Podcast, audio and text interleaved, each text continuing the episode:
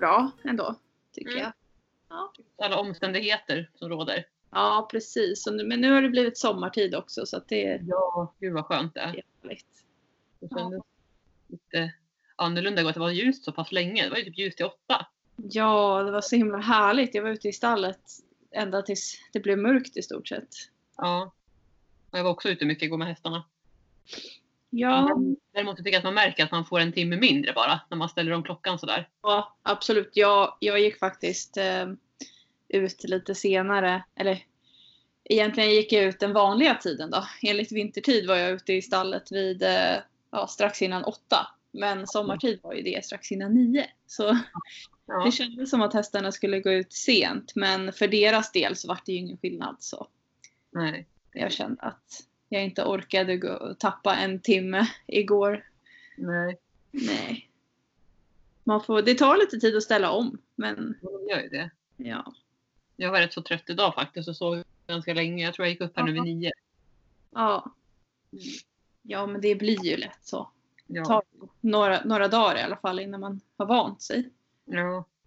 Men det är så skönt att det är så ljust länge i alla fall så kan man vara ute och rida sent nu. Mm. Och så blir det bara ljusare och ljusare fortsatt nu också här. Ja. Ja nu känns det liksom som att våren är på gång. Ja. Dock så kom det faktiskt lite snö här på, på morgonen nu. Det var snötäcke på. Ja, jo men jag såg, jag kollade, jag kollade på Nyhetsmorgon i morse och då sa de det på vädret att det skulle vara lite snöbyar här och var i Sverige. Ja, just det. Vi hade väl lite, lite vitt på marken, alltså sådana puder bara. Men Mm. jag har inte sett det har snöat någonting i alla fall så jag hoppas att det inte kommer sen. Det försvinner nog. Ja. Ja, jag tror, inte, jag tror inte att det kommer bli något större bakslag nu. Nu känns det som att våren är på gång. Verkligen. Det skulle faktiskt bli varmare nu till veckan här också sa de. Ja, jo jag kollade. Det ska ju bli typ 11 grader varmt. Mm. härligt. Det är härligt. Vi får försöka ladda och tänka, tänka positivt på vädret. Att vi faktiskt går mot Ja. tider nu. Trots det här med corona och så. Ja, man kan i alla fall njuta av att vara utomhus. Ja. Det är ju inget, det är bara nyttigt sådana här dagar. Nu veckan som har varit har jag varit väldigt mycket ute faktiskt. Så Ja, varit på lite långritter med båda hästarna. ja, Jag red på Herman själv här och så hade jag med mig Gingis då som handhäst. ja. Och han tycker att det är jättekul också att få följa med. För att Herman blir mycket piggare också när han får sällskap och så. Ja, härligt. Så kan, så kan Gingis också få lite extra motion och både trava och galoppera. Han är faktiskt duktig trots att han är mycket, mycket mindre. Han är liksom shetlandsponny och Herman är en D-ponny. Så, så hänger Gingis med väldigt bra. Ja, Han galopperar på där och han hänger med. Men han får ju självklart springa snabbt men han hänger ju alltid Ja. med. Det är ändå ganska imponerande att, att de kan vara så snabba fast de är så små. För jag menar Herman han galopperar rätt kraftigt han också. ja. Nej men det är häftigt med shettisar. Alltså, jag har ju säkert nämnt det förut i podden att jag har ju tävlat mot shetlandsponny i distansritt vid något tillfälle. Ja, Och det, ja, de är riktigt bra alltså. De är Ja. sega och uthålliga. ja eller hur? Ja, de är häftiga hästar. Det är som en, den perfekta eh, distanshästen fast i litet format tror jag. Envis, eh, liksom stark, eh, stark mentalitet och stark i kroppen och så. Ja. Mm. Ja. Men eh, hur länge var ni ute då? Och vi var väl ute i, vad blev det då, en, en och en halv timme i alla fall. Ja, Och det är väl ganska länge för att vara på Herman och Gingis nu som inte är jätte, jätte, i god kondition då. Trots deras tidigare sjukdomar och så. Så att det var ändå Mm. ganska liksom lagom så. Men ändå liksom lite längre. ja. Eh, och sen på hästskötarkursen, jag tror jag nämnde det i förra, förra poddavsnittet, men vi körde lite mer på hästskötarkursen nu den här veckan som var. Han blir, han blir väldigt taggad och tycker det är jättekul. ja. Ja, det har vi också gjort. Och sen så hade jag en lektion här i, i horsemanship också med en, med en vuxen. Med en Mm. vuxen förälder till, en som blir, till ett par syskon som rider på hästskötarkursen. Okej. med mamman där då också eh, ta en lektion. Hon har ridit mycket förr och så. Ja. Så det var Var kul. Med Herman eller? Ja precis, det var med Herman. Mm. vi pratade just om det här också att men, som vi har nämnt både du och jag i vår podd tidigare att det här med horsemanship och markträning och så här att jobba på kommunikationen från marken är ju verkligen så viktigt. Ja, det är det, det är kul också att ha elever som har den, den inställningen tycker jag, som förstår vikten av det. Som vill liksom börja från marken.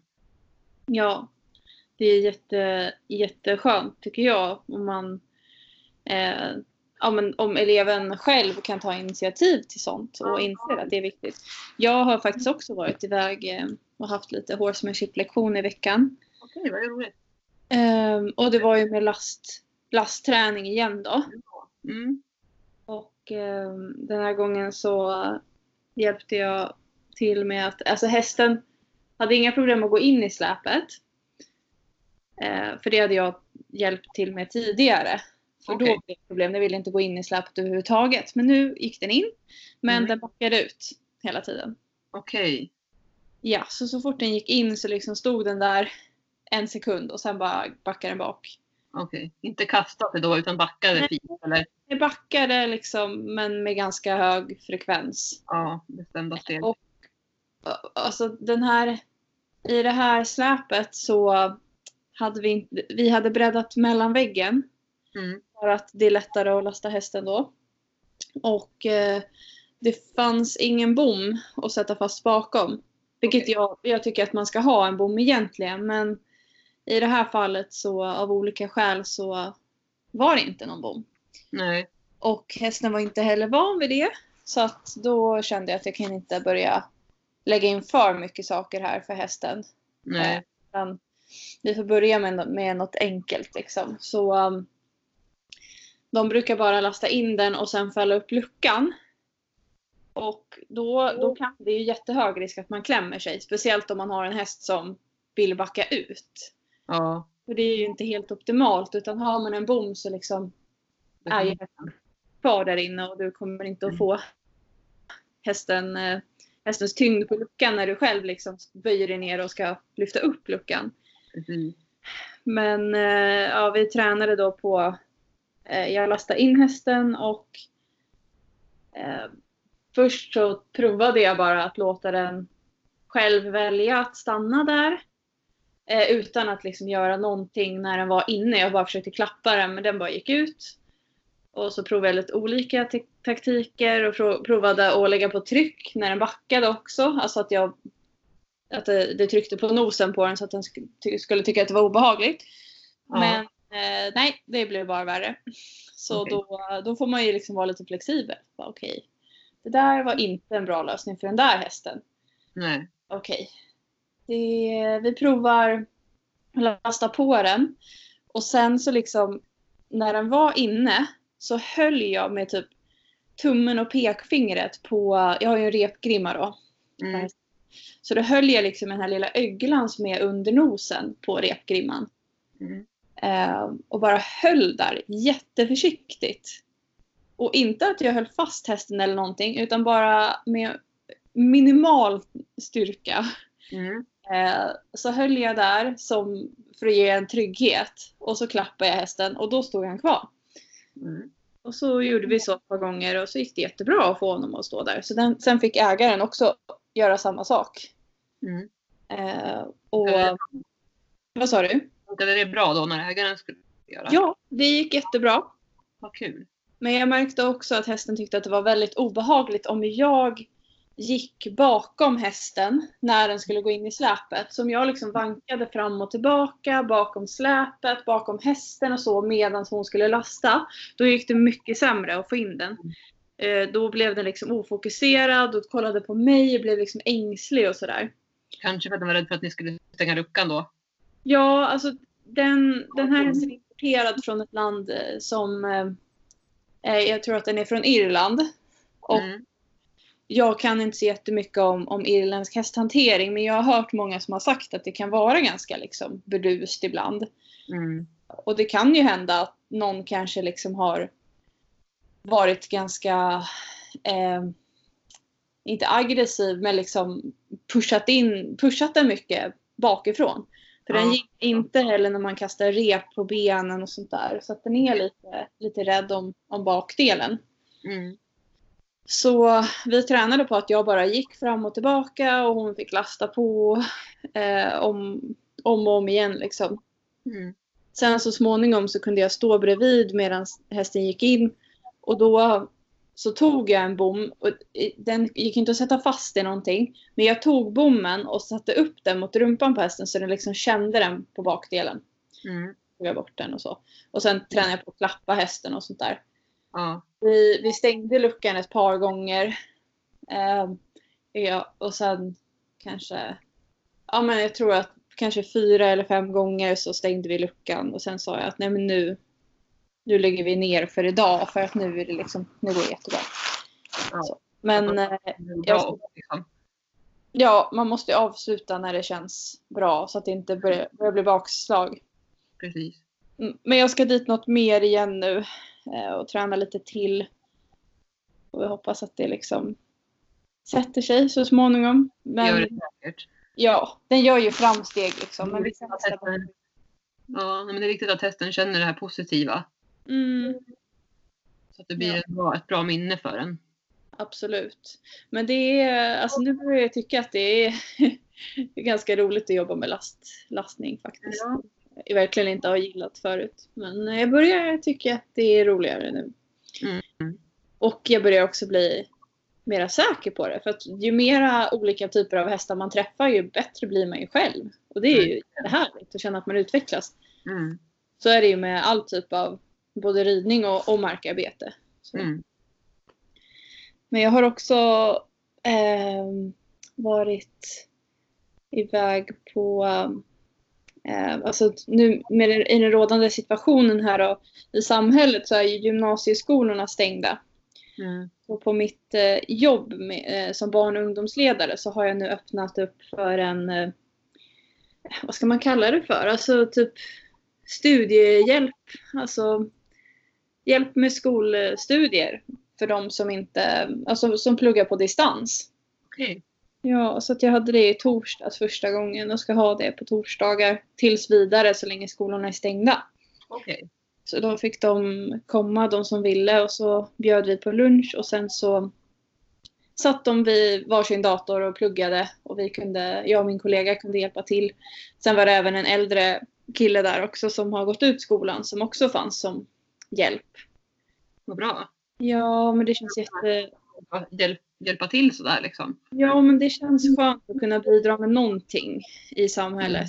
Alltså någonting extra liksom. Och jag vet de här ungdomarna har själva efterfrågat just det här. Mm. Så uh, då kände jag, ja, men ja det är ju inte omöjligt. Det kan jag ju absolut ställa upp på. Så Mm. uh, vi kör på. Och vi är ju absolut inte 50 pers. Vi kanske är liksom 10 eller på sin höjd 15 vissa gånger. Så Ja. att vi har möjlighet liksom att sprida ut oss och vi är väldigt noga med att inte, inte ta några risker så. Det är ingen som är sjuk som kommer heller. Nej. Men jag tror att det är väldigt viktigt, framförallt för unga i samhället, att man har några, någon form av normala rutiner och någonting som känns normalt. Ja. Det, det är påfrestande psykiskt det här som pågår. Med in, alltså inte gå till skolan, inte träffa så mycket folk och så. så att, Mm. ja. Säkert både oro för hur det ska bli och Ja, med disciplin att kunna studera hemma och sådana saker. Kanske inte jättelätt för alla heller, tänker jag. nej. Det var en utmaning för många. Ja, verkligen. Det är, det är många som kämpar med det faktiskt. Ja. Och jag var ju med på någon lektion där i torsdags och det är inte jättelätt alltså att hänga med.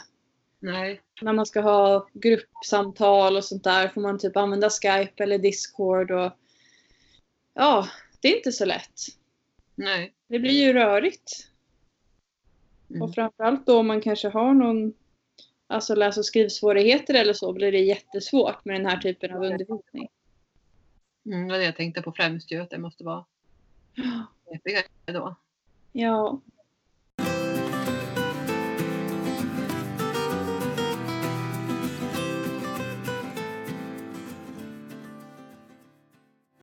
Utöver det så har jag faktiskt också lagt ut eh, en av mina hästar till salu.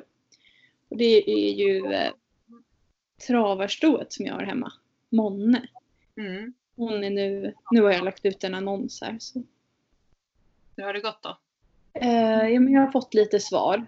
Mm. Det har väl varit en, en del av intresse liksom så. Men jag tycker det är svårt. Det är svårt att avgöra bara på ett meddelande också vad det är för typ människa liksom. Men eh, jag tycker det är bra att man träffas och ser liksom hur man, vad det är för personkemi mellan oss och även mellan hästen och den som kommer och så. Mm. Sen, ja, vad sa du? Vad sa du? Eh, att det, det är viktigt som sagt att man, man känner att det känns rätt. Mm. Mm, men eh, det är väl någon som har hört av sig som har verkat bra. Men en del frågar ju liksom om man kan få låna hästen en längre period pröv och tid då. Ja. Sen även är det en del som kanske vill pruta och sånt. Och jag blir alltid lite skeptisk för Speciellt om man vill pruta. För att en Mm. travare kostar inte så mycket pengar. Nej. Och vill man då pruta så känner jag bara, ha, har man verkligen, kommer man betala försäkring? Kommer man eh, hjälpa hästen om den blir skadad och måste eh, ha hjälp av veterinär eller åka till klinik och sånt? Alltså, det är jätteviktigt för mig att jag kan lita på att den som tar över hästen kommer att ta hand om den på bästa sätt. Eh, och man har då de ekonomiska förutsättningarna också till det. Mm. Och sen, ja precis. Det, säger, liksom, travare är ju inte så dyra inköp så. som- Nej. Men det är ju lika, så de behöver ju sin skötsel och så vidare runt omkring. Ja. Så att bara för att det är billig inköp så, så är det ju faktiskt väldigt mycket omkostnader som tillkommer runt omkring när man ska ha sin häst ändå. Precis. Under många, många år förhoppningsvis.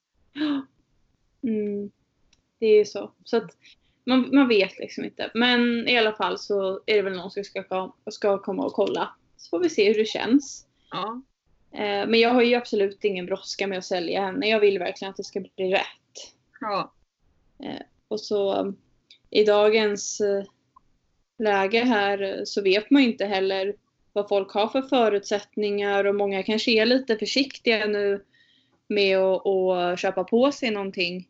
Alltså om man har eh, risk för att bli permitterad eller alltså till och med bli av med jobbet.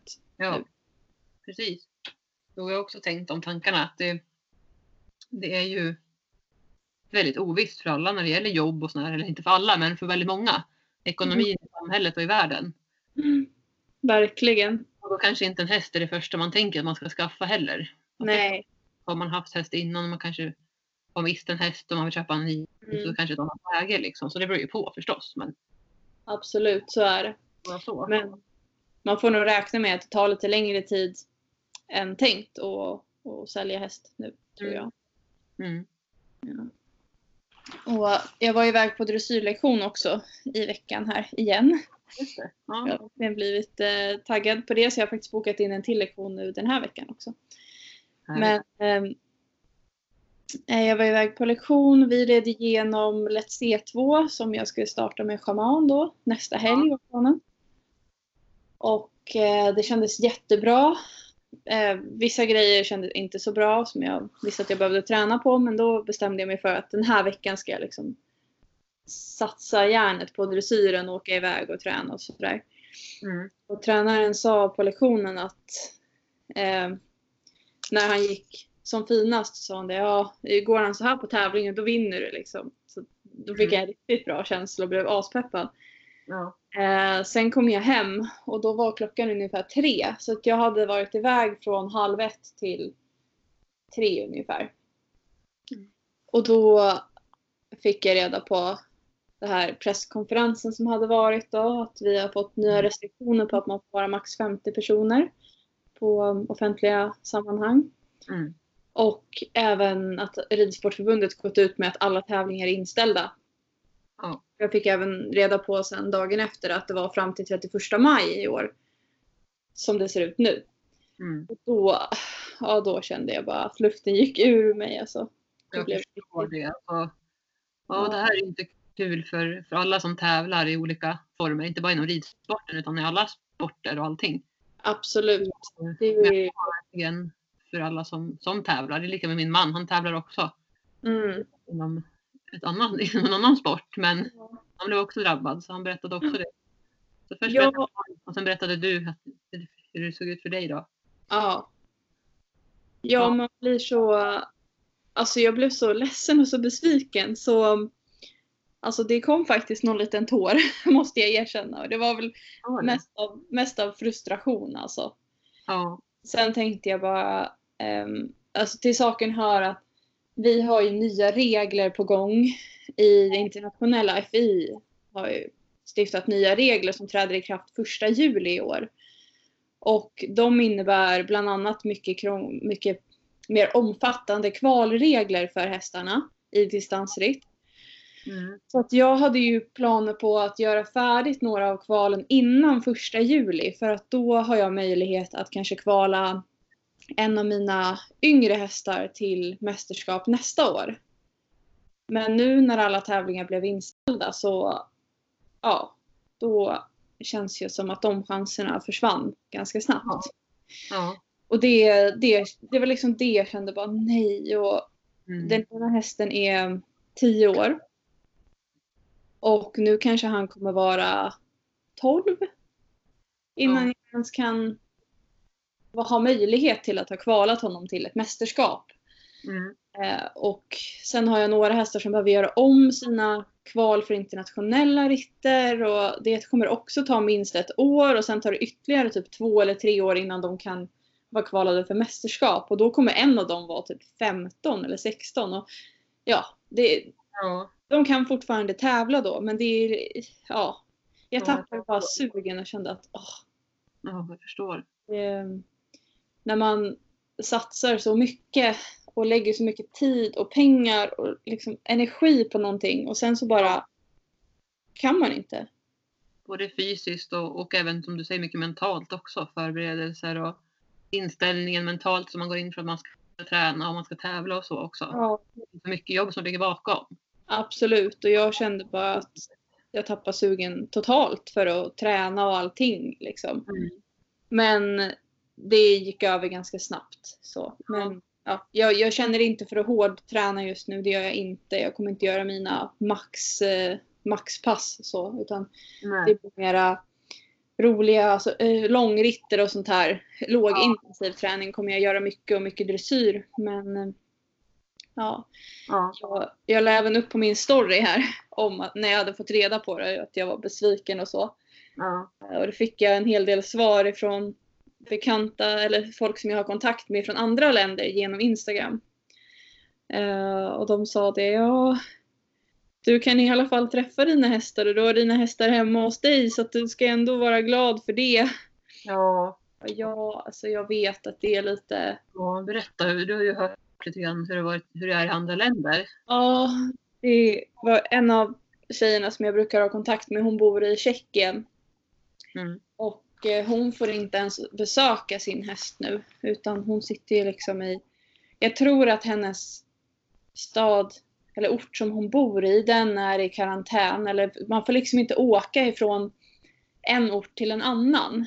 Och Nej. hästen står i en annan ort. Så Mm. att hon får liksom inte ens besöka hästen. Nej. Och jag vet att det är så i andra länder också. Typ Ja. i Kanada har jag haft kontakt med några och i Italien. Ja, Spanien vet jag också att det är så, för där har jag min pappas tjej sitter där nu. Just Hon det. var isolerad tyvärr. Jättejobbigt.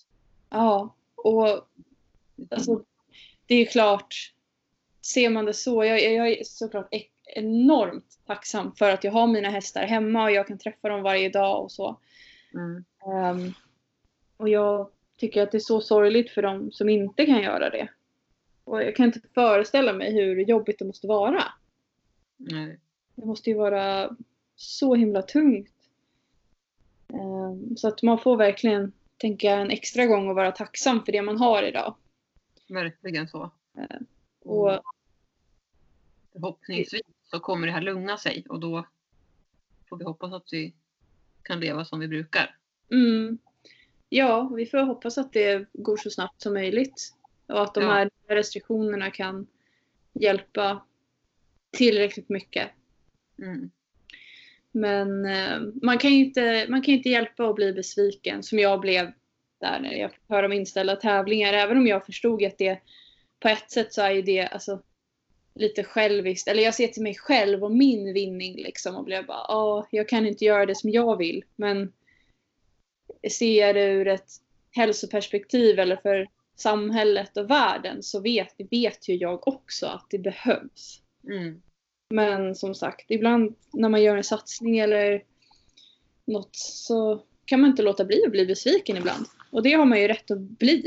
Och sen Verkligen. får man ju bara skaka av sig det och, och hitta nya vägar. Mm. Ja, för det är ju som vi har pratat om förut med målsättning för en tävling eller träning inför tävling. Det blir ju liksom ett delmål och sen det långsiktiga målet är ju själva tävlingen tänker jag. Ja. Och Ja. då är det ju så stort fokus på målet och på delmålen. Mm. Men här handlar det nu om att hitta andra mål. Så jag tänker så här.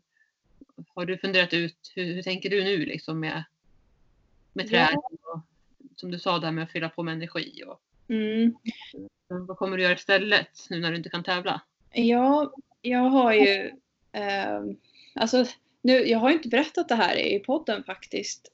Eh, och det är inte så jättemånga som, som vet heller. Men jag och ett gäng här i stallet och folk som jag brukar rida med, vi har ju faktiskt bildat en förening. Ja, det Som... Eh, ja, jag ska inte... Jag ska inte nämna den vid namn ännu för att vi har skickat in alla papper och allting till Ridsportförbundet och är alltid på gång. Men innan jag vet att, att namnet har blivit godkänt och liksom är vårt namn så vill jag inte säga det. Tänker jag. Kanske om någonting måste ändras eller så. Vad spännande. Ja, så att vi, vi har bildat en förening. Och det är ju då en, en, en hästförening. Där vi ehm, ja, som sagt är ett gäng som brukar träna ihop. Och vi, jag har ju haft mycket aktiviteter här hemma på gården med clinics och lite eh, ryttarfysio och så här, sitsanalyser och, och sånt som jag har tagit hit eh, utbildade personer som har gjort. Och vi, vi har liksom känt bara, men vi är ju nästan som en förening här redan. Ja. Varför inte bilda en? Mm. Så nu har vi som sagt gjort det. Och eh, vi har en styrelse och vi har eh, i dagsläget över 30 medlemmar. Jag tror att vi kommer kunna få mycket mer medlemmar innan årsskiftet också. Men vi hade Hur många medlemmar behöver man vara? Vet du det? 25 stycken Ja. minimum för att få vara en, en eh, förening anknuten till Ridsportförbundet. Mm. Så det kommer vi att klara. Mm. Eh, Men eh, vi hade ett möte igår med styrelsen och ska börja planera lite för nästa styrelsemöte och, och lägga lite budget och verksamhetsplan och aktiviteter som vi ska göra och så. Så att det är en sak som jag fokuserar jättemycket på nu och är så glad att vi kom, hann komma igång med det här innan, innan det blev ja, ja, jag förstår. Ja, så vi har Skype-möten då framförallt. Eh, några av oss brukar träffas. Eh, om vi ändå varit ute och ridit här hos mig så kan vi sitta med en dator och skypa med de andra. Det. Men det är ju en grej som man faktiskt kan göra på distans. Mm.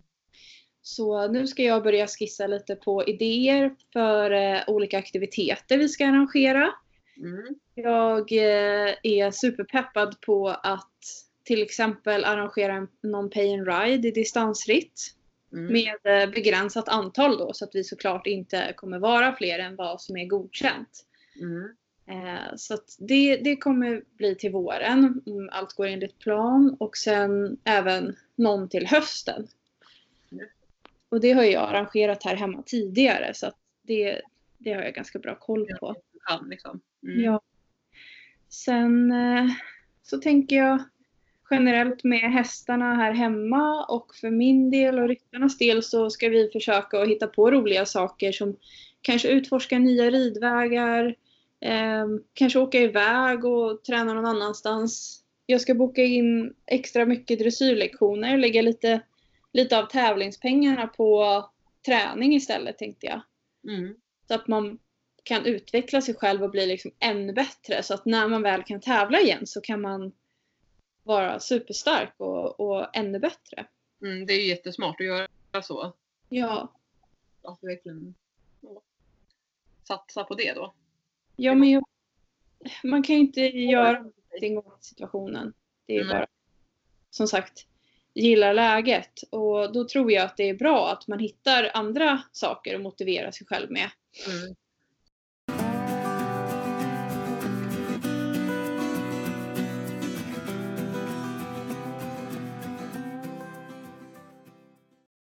Vi har pratat om tidigare, att man gör saker som man tycker är kul och fyller på med energin. Ja, Så att man inte bara tappar allt och tänker, släpper allt och bara nej, nu vill jag inte göra det här längre. Och så nej. kanske man inte tränar som man brukar eller då är det Nej. bättre som du har gjort nu att kanske det till och med lägga in fler träningspass istället och Ja. lägga de pengarna som man skulle ha lagt på att tävla på att träna. Mm, jag tror att det är ett väldigt bra tillvägagångssätt Mm. för att hålla motivationen uppe. Ja. Och jag som inte tävlar kan ju inte riktigt säga att jag påverkas på det sättet förutom min man då, hans aktivitet. Han- Men annars när det gäller mig och, och hästar och liksom ridningen och så, så så är det ju så att man påverkas ju ändå. Alltså för att det Ja. finns i samhället. Så att eh, jag försöker också tänka på att fylla på med energi. Gå ut och rida, jag rider såna här långritter och jag är verkligen jättenöjd och glad över att jag kan rida på Herman trots hans tidigare skada och så här. Att den är Mm. Bra nu som det verkar i, än så länge. Ja, Ja, och försöker vara glad och nöjd för det liksom. Och Ja. kör på med också med hästskötarkurser och ridlektioner så länge som, som det går. Om det inte kommer med hårdare restriktioner förstås. Men så länge Nej. alla är friska och så här så, så kör vi på med det. För jag tror att det är ändå bra också som vi pratade om, jag tror vi nämnde det kanske i förra avsnittet, men att det finns aktiviteter för barn och för vuxna liksom. Att man kan fortsätta rida. ja det tror jag också. Eh, så jag tror, ja, jag tror att det är nog viktigt att man försöker med det man kan. Ja.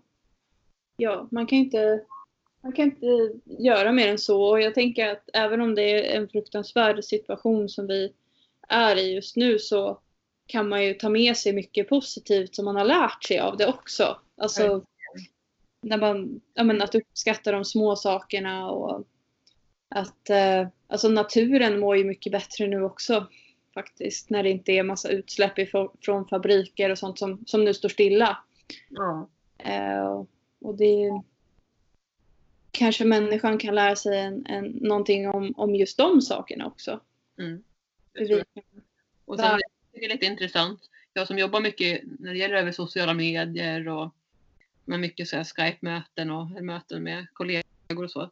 Att jag tror att det här med att jobba hemifrån, det kommer nog göra en, det kommer nog bli lite förändring tror jag i samhället. Att man Ja, företag kommer se att åh, man kan jobba hemifrån och man får också personalen att lära sig hur det funkar. Så att det kanske kommer finnas sådana möjligheter för många som vill det.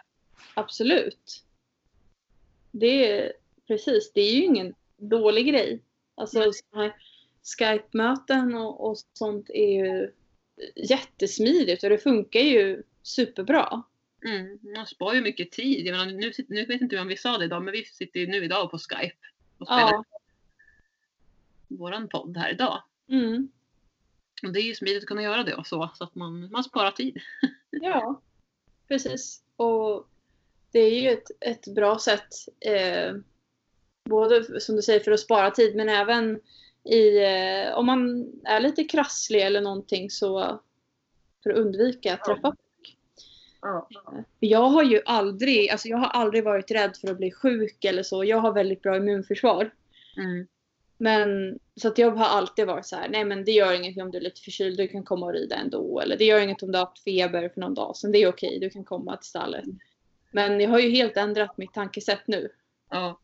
Nu, nu får ingen komma som har haft några symptom Nej. Eh, och, och det kanske jag kommer att kanske kommer fortsätta känna så, jag vet inte. Man vet ju inte. Jag, jag, ja, det har verkligen ändrat mig, det här, den här situationen med corona. Mm. Jo, jag håller med där. Jag har också alltid haft bra immunförsvar och inte tänkt så. Nej, men det löser sig liksom. Jag boostar, jag boostar mig så att jag blir inte förkyld även om jag skulle träffa någon Ja. som är. Men det är som sagt ett helt annat läge med corona. Ja. Eh, ja, vi får se vad som händer. Ja, det får vi. Vi, vi får bara eh, ja, hoppas, att- hoppas att det här eh, att folk tänker till och att man kanske inte ger sig ut och åker så mycket nu i påsk. Nej, Eh, utan stanna hemma om ni har möjlighet till det. Var, var i naturen, var med hästarna. Det är mycket bättre än att åka, åka någonstans där det är mycket folk där man riskerar smittspridning istället. Mm. Jag skulle ju ha åkt med jobbet. Jag tror att jag har nämnt det. Vi skulle först åka till Frankrike som vi ställde in för flera veckor sedan. Och sen skulle vi åka till Åre istället. Mm. Att göra något här i Sverige. Men eh, det har jag meddelat att vi har ställt in också av Mm. säkerhetsskäl. Ja, Vi, det, det liksom går inte att göra det. Så. nej. Om det, vi skulle inte ha varit i något stort centrum eller något. Vi skulle ha varit mitt ute i skogen och så på en egen lägergård. Men eh, det är fortfarande en risk att man träffar människor som man smittar eller som smittar oss. Ja. Det, Så vi, vi kommer stanna hemma. mm, jag förstår att det blir säkert lite besvik, besvikelse och så från Ja, det Ja, blev... åka, men Ja, de... det på något sätt senare då att ni kan göra någonting lite längre fram eller hur? Ja, absolut. Jag har kollat upp med bussbolaget. Vi hade, vi hade ju hyrt en buss då. Mm. Och jag har ju betalat den för jobbets Ja. räkning. Eh, men vi har en resa innestående. Så att de har varit jätteschyssta och vi, vi kommer att göra en resa. Men sen när det blir, det vet vi inte. Nej, Om det blir till hösten eller om det blir till nästa vår. Det får vi se. Ja, men man, man får liksom ta det säkra för det osäkra. Och jag har som sagt verkligen ändrat mig där. Eh, allt eftersom det här liksom har utvecklat sig så har jag blivit mer, nej. Vi, vi måste tänka på andra också. Och det finns de som är i riskgrupperna och alla träffar förmodligen någon som är i någon riskgrupp. Mm. Precis. Och då ska man ju vara försiktig så att man inte smittar en sån person. Ja, för det handlar inte bara om man själv är i riskgruppen utan det handlar om ens omgivning och att man träffar Ja. någon eller ja, det kan ju Ja. det vara lätt hänt. Mm. Ja, det, det är ett oundvikligt ämne. Vi kommer säkert prata lite om det i podden. Sen det här med som vi var inne på också, det här med ekonomi nu, att det kanske inte kommer vara så lätt för alla att kunna ha kvar sina hästar eller Det har jag också hört folk, framförallt i andra länder då, som är Alltså där, Sverige har ju, gör ju allt i sin makt för att kunna hålla igång i alla fall delar av samhället och företag och så. Men många andra länder har ju stängt ner allt. mm. Och där är det ju ännu mer effekter på att företag går i konkurs och sånt, att folk blir av med jobben. Och då har inte folk möjlighet att ha kvar hästarna till exempel. Nej, för det är ju Vi kostsamt. får ju hoppas att det... Ja. Det är ju det. Och vi, vi får verkligen hoppas att det inte... Alltså att Sveriges regering lyckas lyckas hålla igång så mycket som möjligt och kan ge bidrag till olika företag och så. Men jag har hört många som har gått i konkurs också nu. Just. Mm. Mm. Jo, det är jättetråkigt och jag tror kanske också många småföretagare kan göra det. Fler och Ja. fler alltså. Ja. Jo, verkligen. Mm. Man får, man får göra det man kan för att, att hjälpa varandra och försöka och, Jag har faktiskt handlat lite mat på restauranger här i närmsta orten. Mm. Lite take away och sånt där för att stötta dem också. Ja, Just för att man vill, jag vill ju att de ska finnas kvar när krisen är över. eller hur? Så då får man försöka att bidra med någonting. Så det är väl så att vissa branscher är mer sårbara än andra också. Så är det ju beroende på vilket, vilket yrke man arbetar inom och så. Så, Ja, så absolut.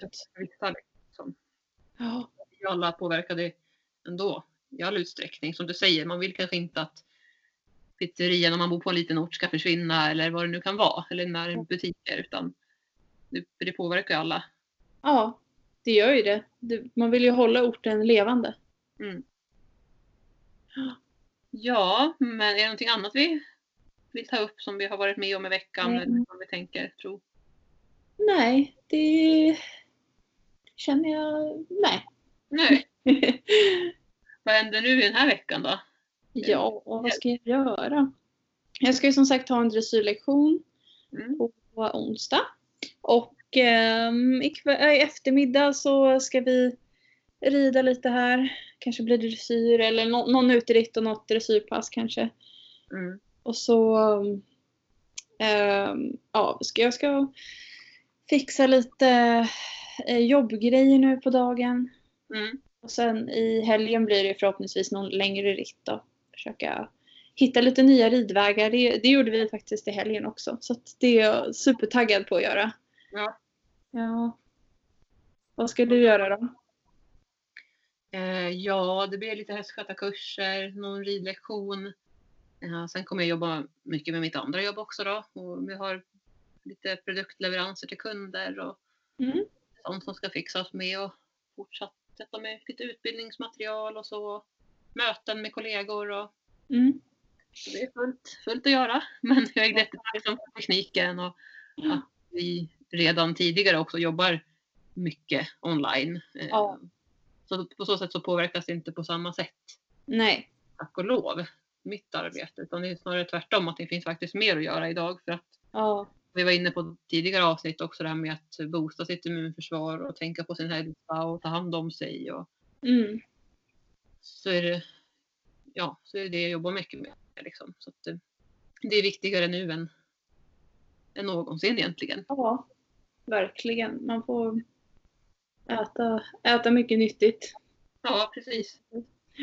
Ta hand om sig både mentalt och kanske träna lite och sådär, tänker jag. Mm. Jag kan tipsa mig också. Passa på att träna.